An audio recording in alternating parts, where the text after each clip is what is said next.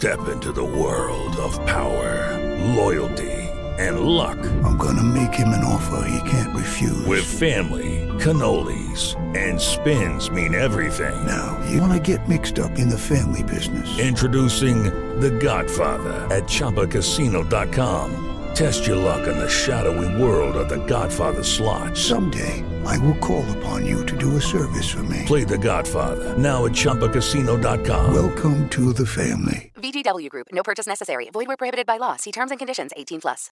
With Lucky Land slots, you can get lucky just about anywhere. Dearly beloved, we are gathered here today to. Has anyone seen the bride and groom? Sorry, sorry, we're here. We were getting lucky in the limo and we lost track of time. No, Lucky Land Casino, with cash prizes that add up quicker than a guest registry. In that case, I pronounce you lucky. Play for free at LuckyLandSlots.com. Daily bonuses are waiting. No purchase necessary. Void where prohibited by law. 18 plus. Terms and conditions apply. See website for details. Tussen de warme, gekreukte, beetje muffe lakens ligt ge om elf uur 's ochtends nog te vroeten. Geen zin. Geen doel om op te staan. Er is alleen onrust, lust en uw telefoon. Uw brein is een maalstroom van fantasieën en herinneringen aan uw bronstige jonge jaren en de liefde of iets dat erop zou moeten lijken. Je voelt u slachtoffer door het pijnlijke besef van deze teleurgang. Zet jij die Mark die s'morgens de dingen groet? Die al jaren alleen wakker wordt en dan maar dat ventje met de fiets op de vaas met de bloem begroet. Bloem, bloem. De stoel en het brood op de tafel, waarin de eerste schimmelsporen zich vertonen, zoals de schimmeldraden zich ook langzaam een weg banen onder uw ouder wordende hersenpan. Grabbelt naar uw gsm die verstopt ligt onder het lege hoofdkussen naast het uwe.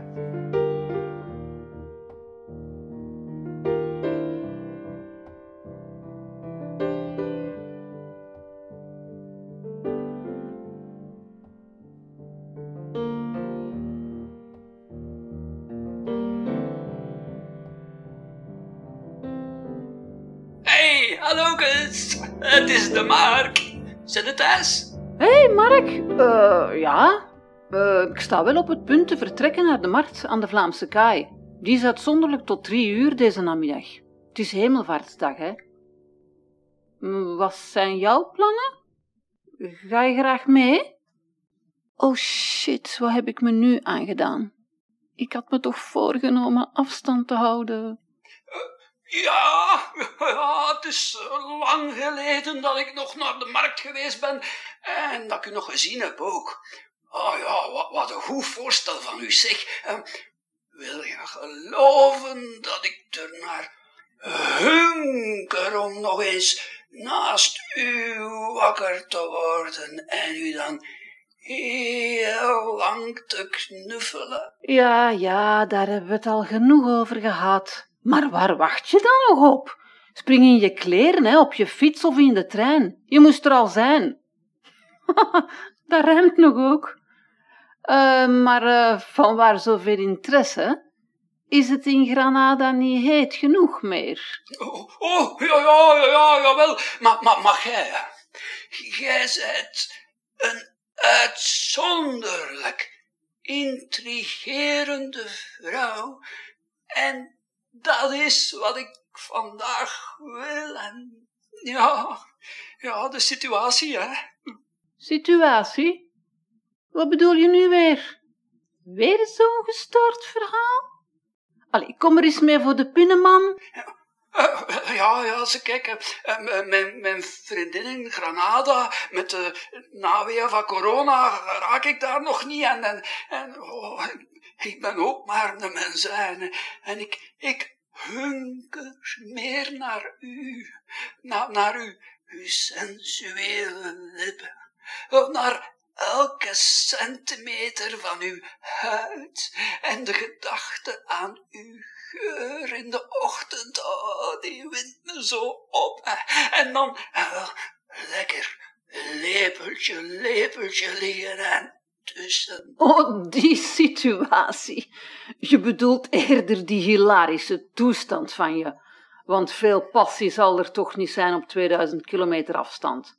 Dat houdt Viagra ook niet vol, veronderstel ik. Maar hier is je, mijn hier is je toch. Jij betekent veel meer voor mij. En ja, ja je hebt gelijk, Granada, dat is niet. Maar, maar, maar kijk, hè, eh, laten wij maar samen naar de markt gaan. Ik lig nog in bed. Eh, kom me ophalen, dan drinken we samen. Eerst een koffie. Eh, wil jij dan koffie maken? Want, want uw koffie, dat is echt de beste. Hè? Je, je hebt de sleutel. Wat, wat blieft? Wat hoor ik? Maar jij perverse oude rokjager. Je telefoneert wel met Magdalena, hè? Niet met je Irische Irische. Wie ben ik eigenlijk voor jou? Die ene voor de sier of voor nu en dan en dan alleen maar voor het plezier? Of die voor hoogtijdagen? Of die lelijke, met verstand? Wel, ga daarvoor maar aanbellen bij jouw Irische, als je tenminste dat muffe bed van je uitgeraakt. Oh, oh, maar, maar het, oh, het, spijt me, Magdalena, het, het, is dat ik in de war ben, hè. En, en ja, het is ook zo moeilijk voor mij, hè. En ik ben ook zo bang van vrouwen, dat, dat heb ik u al verteld. Maar, maar ik wil u, echt wel, dat meen ik. En, en ik zal u na de markt zo'n heerlijke massage geven met oranje bloesemolie. Oh, daar houdt gij toch zo van, weet je nog? Maar val toch dood, jij oude sukkel. Jij weet nooit wat je wilt. Vandaag wil je lepeltje, lepeltje en morgen haak je weer af. Jij bent een zieke lafaard met aan elke vinger een vrouw. Jij bang? Ja, er niet genoeg te hebben, ja? Ga je gang met heel Granada, Malaga, Valencia, Antwerpen en Rotterdam als het moet, maar niet met mij. Jouw lepeltje, lepeltje interesseert me niet. Ik ga alleen naar de markt. Of met de Chris, of de Dirk, of de Leo. Dat zijn tenminste frisse sportieve kerels. En op die markt kan ik best nog iets versieren. En ben ik sowieso een exclusieve oranjebloesem. Oh, oude rakker. Lepeltje, lepeltje met jou. Kon het maar. Al vind ik tepeltje, tepeltje toch een beter idee.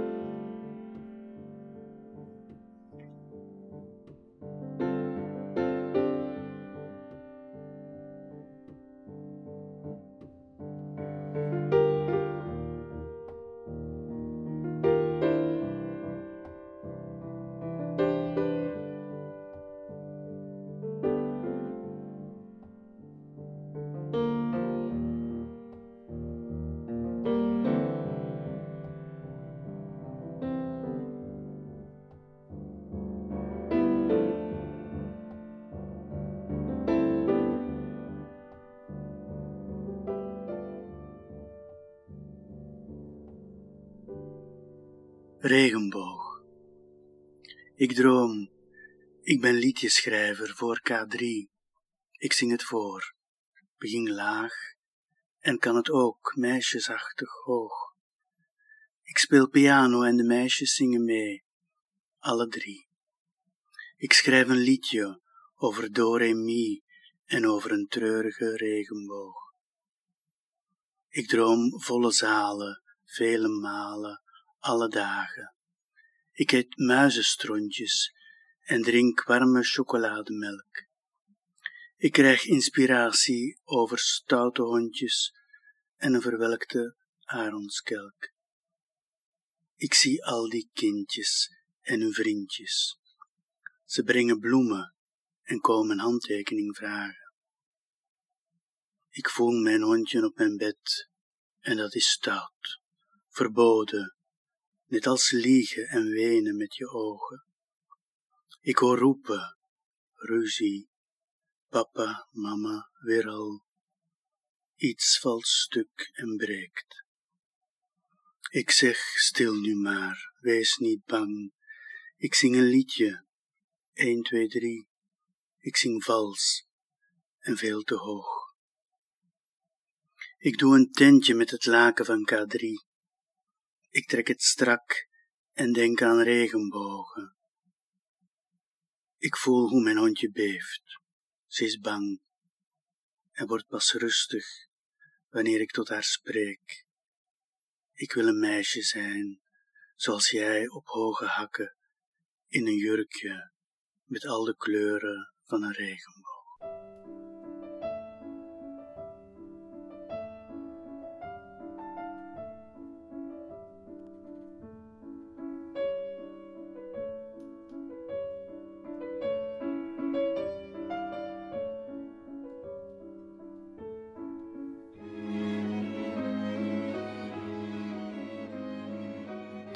Say hello to Plush from me. That's outrageous! I have eight! Kick her out of your house and send her back to her family. De bebaarde hoofdman van de lijfwachten kijkt me verbluft aan en wijst illustratief naar een antieke deur aan de andere zijde van de patio van het paleis van Hertoginental. De drie andere lijfwachten van de president knikken als knipmensen en tuiten op hun vingers hoeveel vrouwen ze hebben. En hoeveel kinderen. En hoe deugdzaam en volgzaam ze wel niet zijn. But I'm not married. Nu het trek helemaal van de dam. Dertig jaar ongehuwd en geen kinderen. What a tragedy! De rest van de nacht word ik overlezen over familiewaarde en de deugden en voordelen van een kroostrijk en polygaam gezin. Tegen de ochtend, wanneer mijn nachtshift er bijna op zit, neemt de hoofdman me even apart en zegt: So, my friends, tomorrow we go out in Brussels. Where are the women? I beg your pardon? Yes, we want to party. Western women are easy. Ik denk even na en stuur ze naar een kleine discrete disco in de rue de Pépinière. Very nice women. Very nice. And say hello to Plash from me. He's the owner. Een week later loop ik langs de bureau van mijn chef, die woest naar buiten loopt als hij mij ziet. Magic! Ik heb hier een klacht van de ambassade. Heb jij die Afghanen naar een bordeel voor travestieten gestuurd?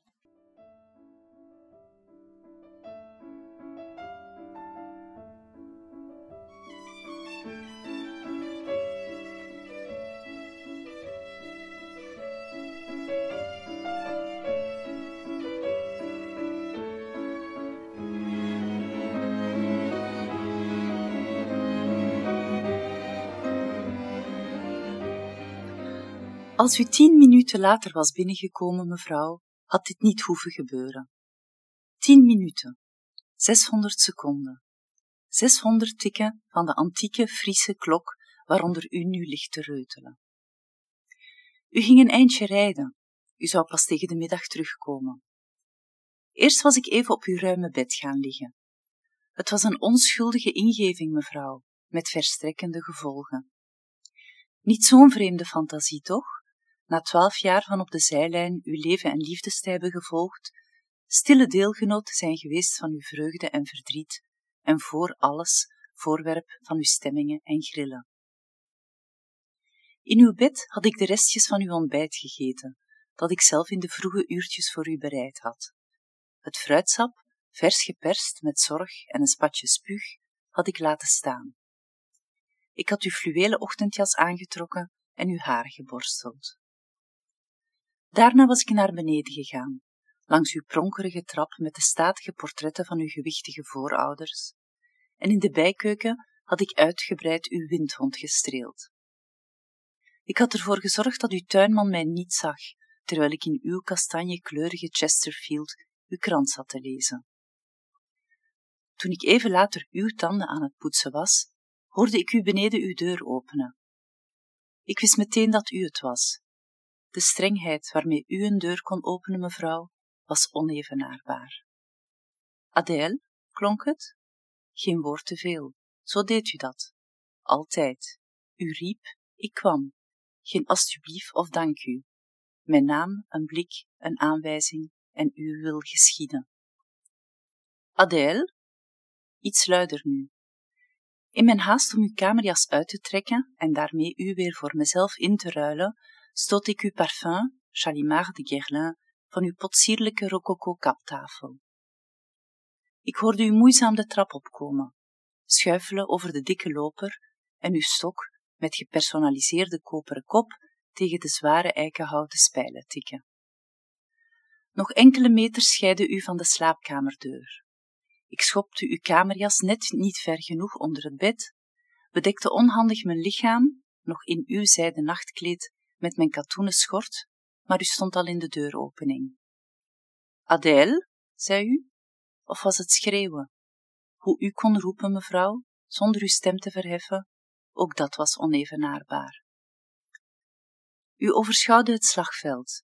Haastig gingen uw ogen alle richtingen uit, van het dienblad en de kruimels op de satijnen sprei in zacht perzik, over mijn kamermeisjeslichaam, halvelings bedekt met uw nachtkleed, tot bij het kapotte flesje Chalimard, waarvan de donkerzoete geur intussen de hele kamer had gevuld. Toen gebeurde het, mevrouw. Verstijfd onder uw priemende blik hoorde ik u nog Adèle, mon parfum, stamelen, net voor u het evenwicht verloor en uw adellijke hoofd met een doffe klap het marmeren blad van de kaptafel raakte. Ik hoor hoe u nog wat deftig ligt te reutelen, mevrouw, onder de antieke Friese klok, terwijl uw helder bloed zich genadeloos mengt met het tulpenmotief van het oosterstapijt waarop u straks uw laatste adem uitblaast.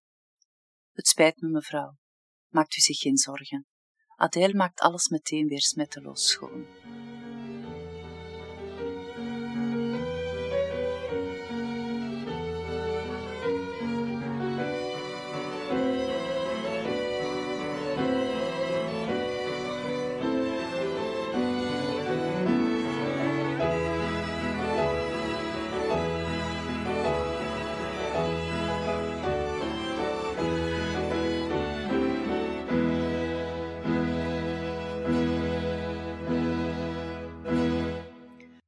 Er loopt wat los in en rond Mechelen.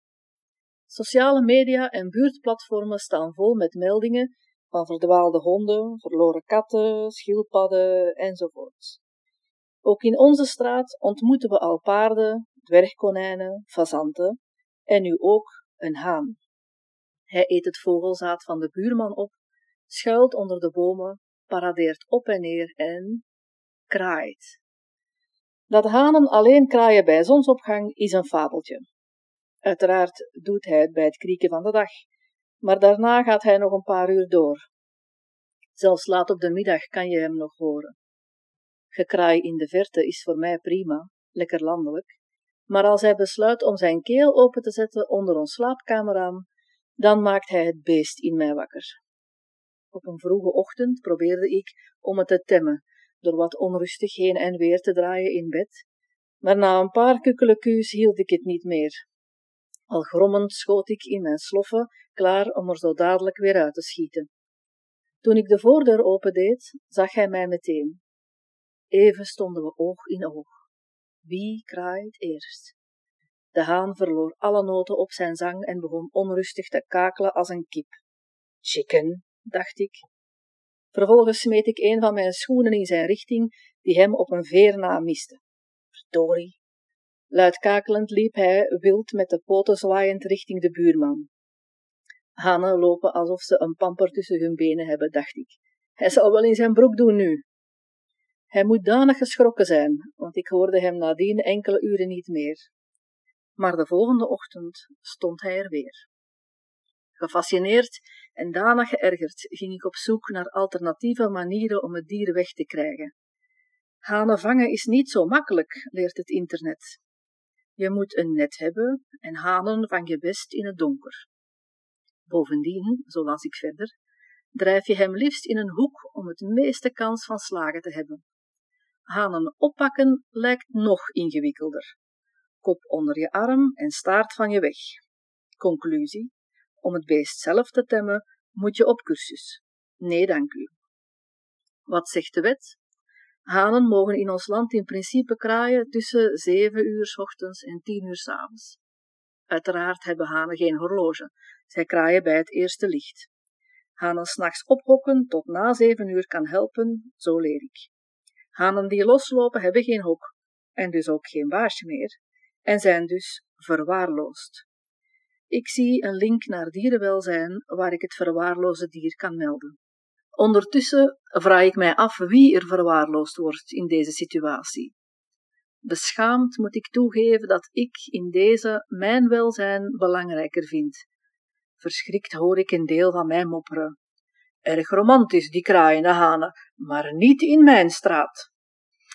Och ja, niemand is perfect zeker. Uiteindelijk loste het probleem zich, zoals zo vaak, vanzelf op. Het dier geraakte opnieuw verdwaald en kraait nu een paar straten verder de buren uit hun bed. Jammer voor hen, maar ik slaap weer beter.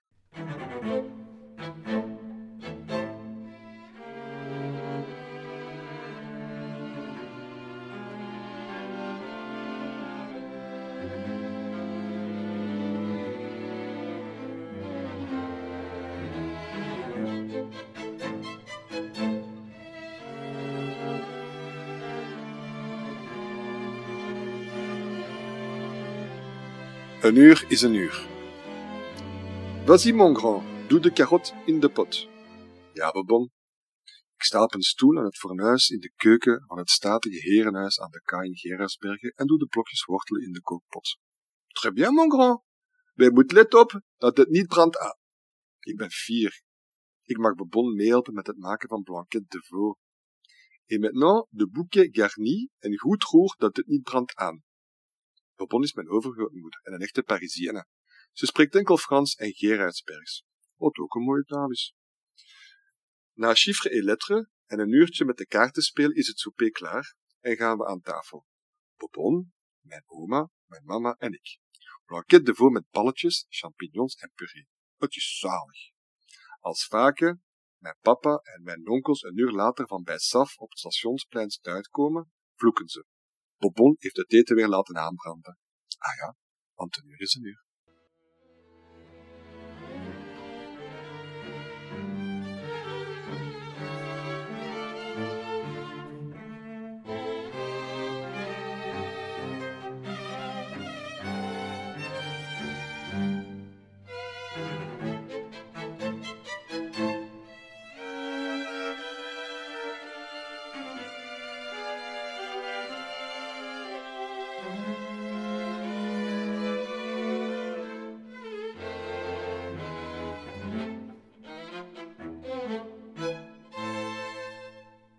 Kaartjes van plezier.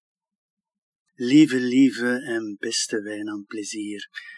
Ik beken, ik ben vreemd gegaan. Heb kaartjes van alleen Elvis blijft bestaan. Ik stuur je er één, bij deze, hier. Vraag vergiffenis voor mijn zwakte. Zeg nu zelf, ze zijn toch mooi? Wijze woorden op een kaart, waarvan akte. Wees een wak in het ijs, ontdooi. Beste Wijnand, kameraad, voor we sterven op het water, mijn dag en nacht, mijn almanak, een zoen. Neem mijn woorden in beraad, we hebben het er nog over, later. Scheur het kaartje, nee, wacht, kus, Koen.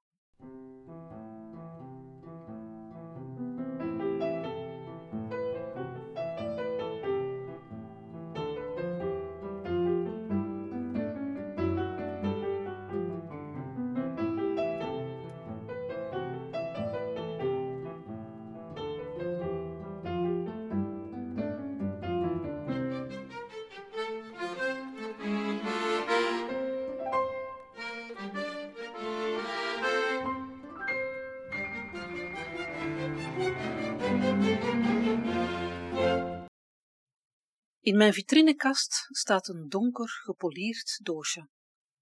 Waarschijnlijk Afrikaans kersenhout. 21 centimeter breed, twaalf diep en vijf hoog.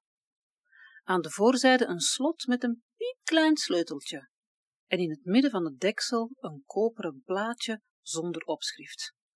Het weegt ongeveer een kilogram. Samen met mijn vader kuier ik over het Vossenplein in de Marollewijk in Brussel, op een bloedhete dag tijdens de zomervakantie van 1976. Het vakantieuitstapje wordt al snel vervelend, omdat vader Lief wel heel geïnteresseerd is in het uitgebreide aanbod van antieke objecten van allerlei aard die op de grond zijn uitgespreid. Overal blijft hij staan en laat zijn ogen nieuwsgierig over de curiosa en andere rommel geleiden. Hier en daar zie ik een pop liggen, die ik ook leuk vind, maar hun kleedjes zijn zo mooi dat ze zeker onbetaalbaar zijn, dus ik vraag maar niets. Bedolven onder het stof tussen kandelaars en enkele voorhistorische theekannen merkt vader een houten doosje op. Hij vraagt iets aan de verkoper die hem daarop het doosje overhandigt. Hm, geen memel of ander ongedierte, hoor ik hem fluisteren. Met een voorzichtige preciesheid draait hij het sleuteltje om en opent het doosje. Vaders ogen worden nog groter achter zijn brillenglazen en ik merk verwondering op zijn gezicht, die hij probeert te verstoppen voor de verkoper. Koperen passers, inktpennen en hulpstukjes liggen eerder slordig opgeborgen in een houten schaaltje dat je uit het doosje kan verwijderen, en waaronder een uitgerafeld doekje ligt, dat onder de inktvlekken zit. Mag ik ook eens kijken? vraag ik, in de hoop dat hij het koopt en we dan naar huis kunnen. We ontdekken onder het deksel nog een dubbele wand, maar er zit niets achter, wat me een beetje teleurstelt. 900 francs, roept de verkoper. Ik versta amper Frans, maar denk wel dat 900 francs heel veel geld moet zijn. De man heeft lang haar dat ik eng vind, en een gigantische snor met twee krullen die ik wel cool vind. Zijn neus doet me denken aan De Neus, een figuur uit het poppentheater van Kampen in Antwerpen. Tussen vader en de neus ontstaat een gesprek dat na enkele minuten heel hartelijk wordt. En nog wat later worden enkele briefjes van honderd gewisseld. Ze schudden elkaar de hand en ik hoor de neus in zijn beste Nederlands zeggen: Tot ziens in de loge. Kent hij jou dan, papa? vraag ik een beetje wantrouwig. Nee, niet echt, maar hij is blijkbaar nieuw lid van de loge hier in Brussel. Ik leg het je later wel eens uit. En hij heeft zijn prijs verlaagd, antwoordt hij. Ik begrijp er eigenlijk niks van en knik maar van ja en ben blij dat we nu naar huis kunnen. Maar eerst schuiven we nog aan bij Mie Karakol, een vaste waarde in de Marolle die dagelijks heerlijke karakolles bereidt. Eigenlijk is het een beetje te warm voor karakolles, maar ze zijn wel lekker en ik eet het hele potje leeg. 43 jaar later. Enkele maanden voordat vader sterft, vraagt hij of ik in zijn kamer op de bovenverdieping van zijn oud huis in het Hageland dat doosje even wil gaan halen. Mijn vaders bureau is een museum. Twee wanden met boeken, een verzameling van zelfgemaakte en gekochte antieke en minder antieke objecten. Bijna overal is het embleem van de vrijmetselarij op terug te vinden. De passer en de winkelhaak uitgesneden op het houten blad van zijn bureau, aan zijn schrijftafel. Hangend aan de muur, geschilderd op canvas, getekend, geboetseerd, in goud en zilver gesmeed als ring, kandelaar of boekensteun, je kan het zo gek niet bedenken. Zelfs in een kleurrijke Tiffany's-lamp aan de wand verschijnen de passer en de winkelhaak. Om nog maar te zwijgen over alle andere geometrische symbolen die her en der opduiken. Vader is al lang niet meer boven geweest. Hij kan de trap niet meer op en de poetsvrouw die laat hij niet graag alleen in zijn museum. Het ruikt er een beetje muf en ook naar houtskool en inkt. Tussen de kandelaars en andere oude curiosia haal ik onder het stof het houten doosje vandaan. Het is voor jou, Misschien kan je er wel wat mee doen, zegt hij met zwakke stem. Het werd geschat op 30.000 Belgische frank. Vader heeft longembolie. Het kost hem veel moeite om te praten. We openen samen het doosje en ik voel mijn ogen groter worden en roep spontaan: Wauw! Vaderke, hoe mooi is dat geworden? Jij kan toch echt wel toveren met je handen. Er liggen vier koperen passers in, acht hulpstukken, waarvan ik tot vandaag amper weet waarvoor ze dienen. Een ivoren inktpen en een ivoren potloodhouder, een stukje houtskool, drie zelfgemaakte koperen rechthoeken en een winkelhaak die verstopt is achter die geheime wand in het deksel van het doosje. Alles is gepoetst, opgeblonken en tot op de millimeter gepast en op zijn plaats. En ook nog datzelfde doekje met inktvlekken. Vertel me eens over die passer en de winkelhaak, vraag ik nieuwsgierig. Hij begint te vertellen zoals hij heel zijn leven boeiend en bijna zonder adem te nemen deed. Nu hapt hij regelmatig naar adem, omdat de nood hem roept. Zijn longen krimpen met de dag. De passer staat symbool voor de geest. Je kan er cirkels mee maken en cirkels die zijn oneindig. Ze hebben geen begin, geen einde. Ze omvatten het hele universum zoals jij. De winkelhaak staat voor de materie, de stof, je lichaam, maar ook voor rechtvaardigheid. Vandaar de rechte hoek. Hij krijgt een benauwde hoestbui van het praten, rust even uit en gaat dan verder. Hoe de passer op de winkelhaak ligt, duidt de graad van je geestelijke ontwikkeling aan. Als de passer met beide benen boven op de winkelhaak ligt, dan is de geest meester over de stof en heb je begrepen waar het om gaat en geraak je nooit gevangen in je eigen geest. Na dit verhaal viel hij vermoeid in slaap in zijn oude bruine zetel, het houten doosje geopend op zijn schoot. In mijn vitrinekast staat, samen met de foto van mijn vader, een donker, gepolierd doosje. Waarschijnlijk Afrikaans kersenhout. Wat de voorgeschiedenis ervan is, alvorens het op de kasseien van het Vossenplein lag, weet ik nog steeds niet. Maar dat het een emotionele waarde van goud heeft, weet ik wel.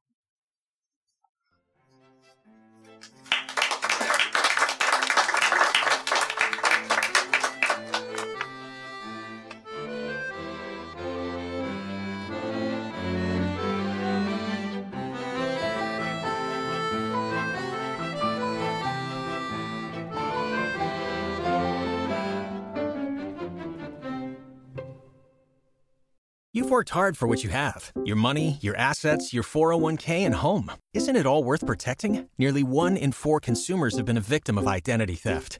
Lifelock Ultimate Plus helps protect your finances with up to $3 million in reimbursement.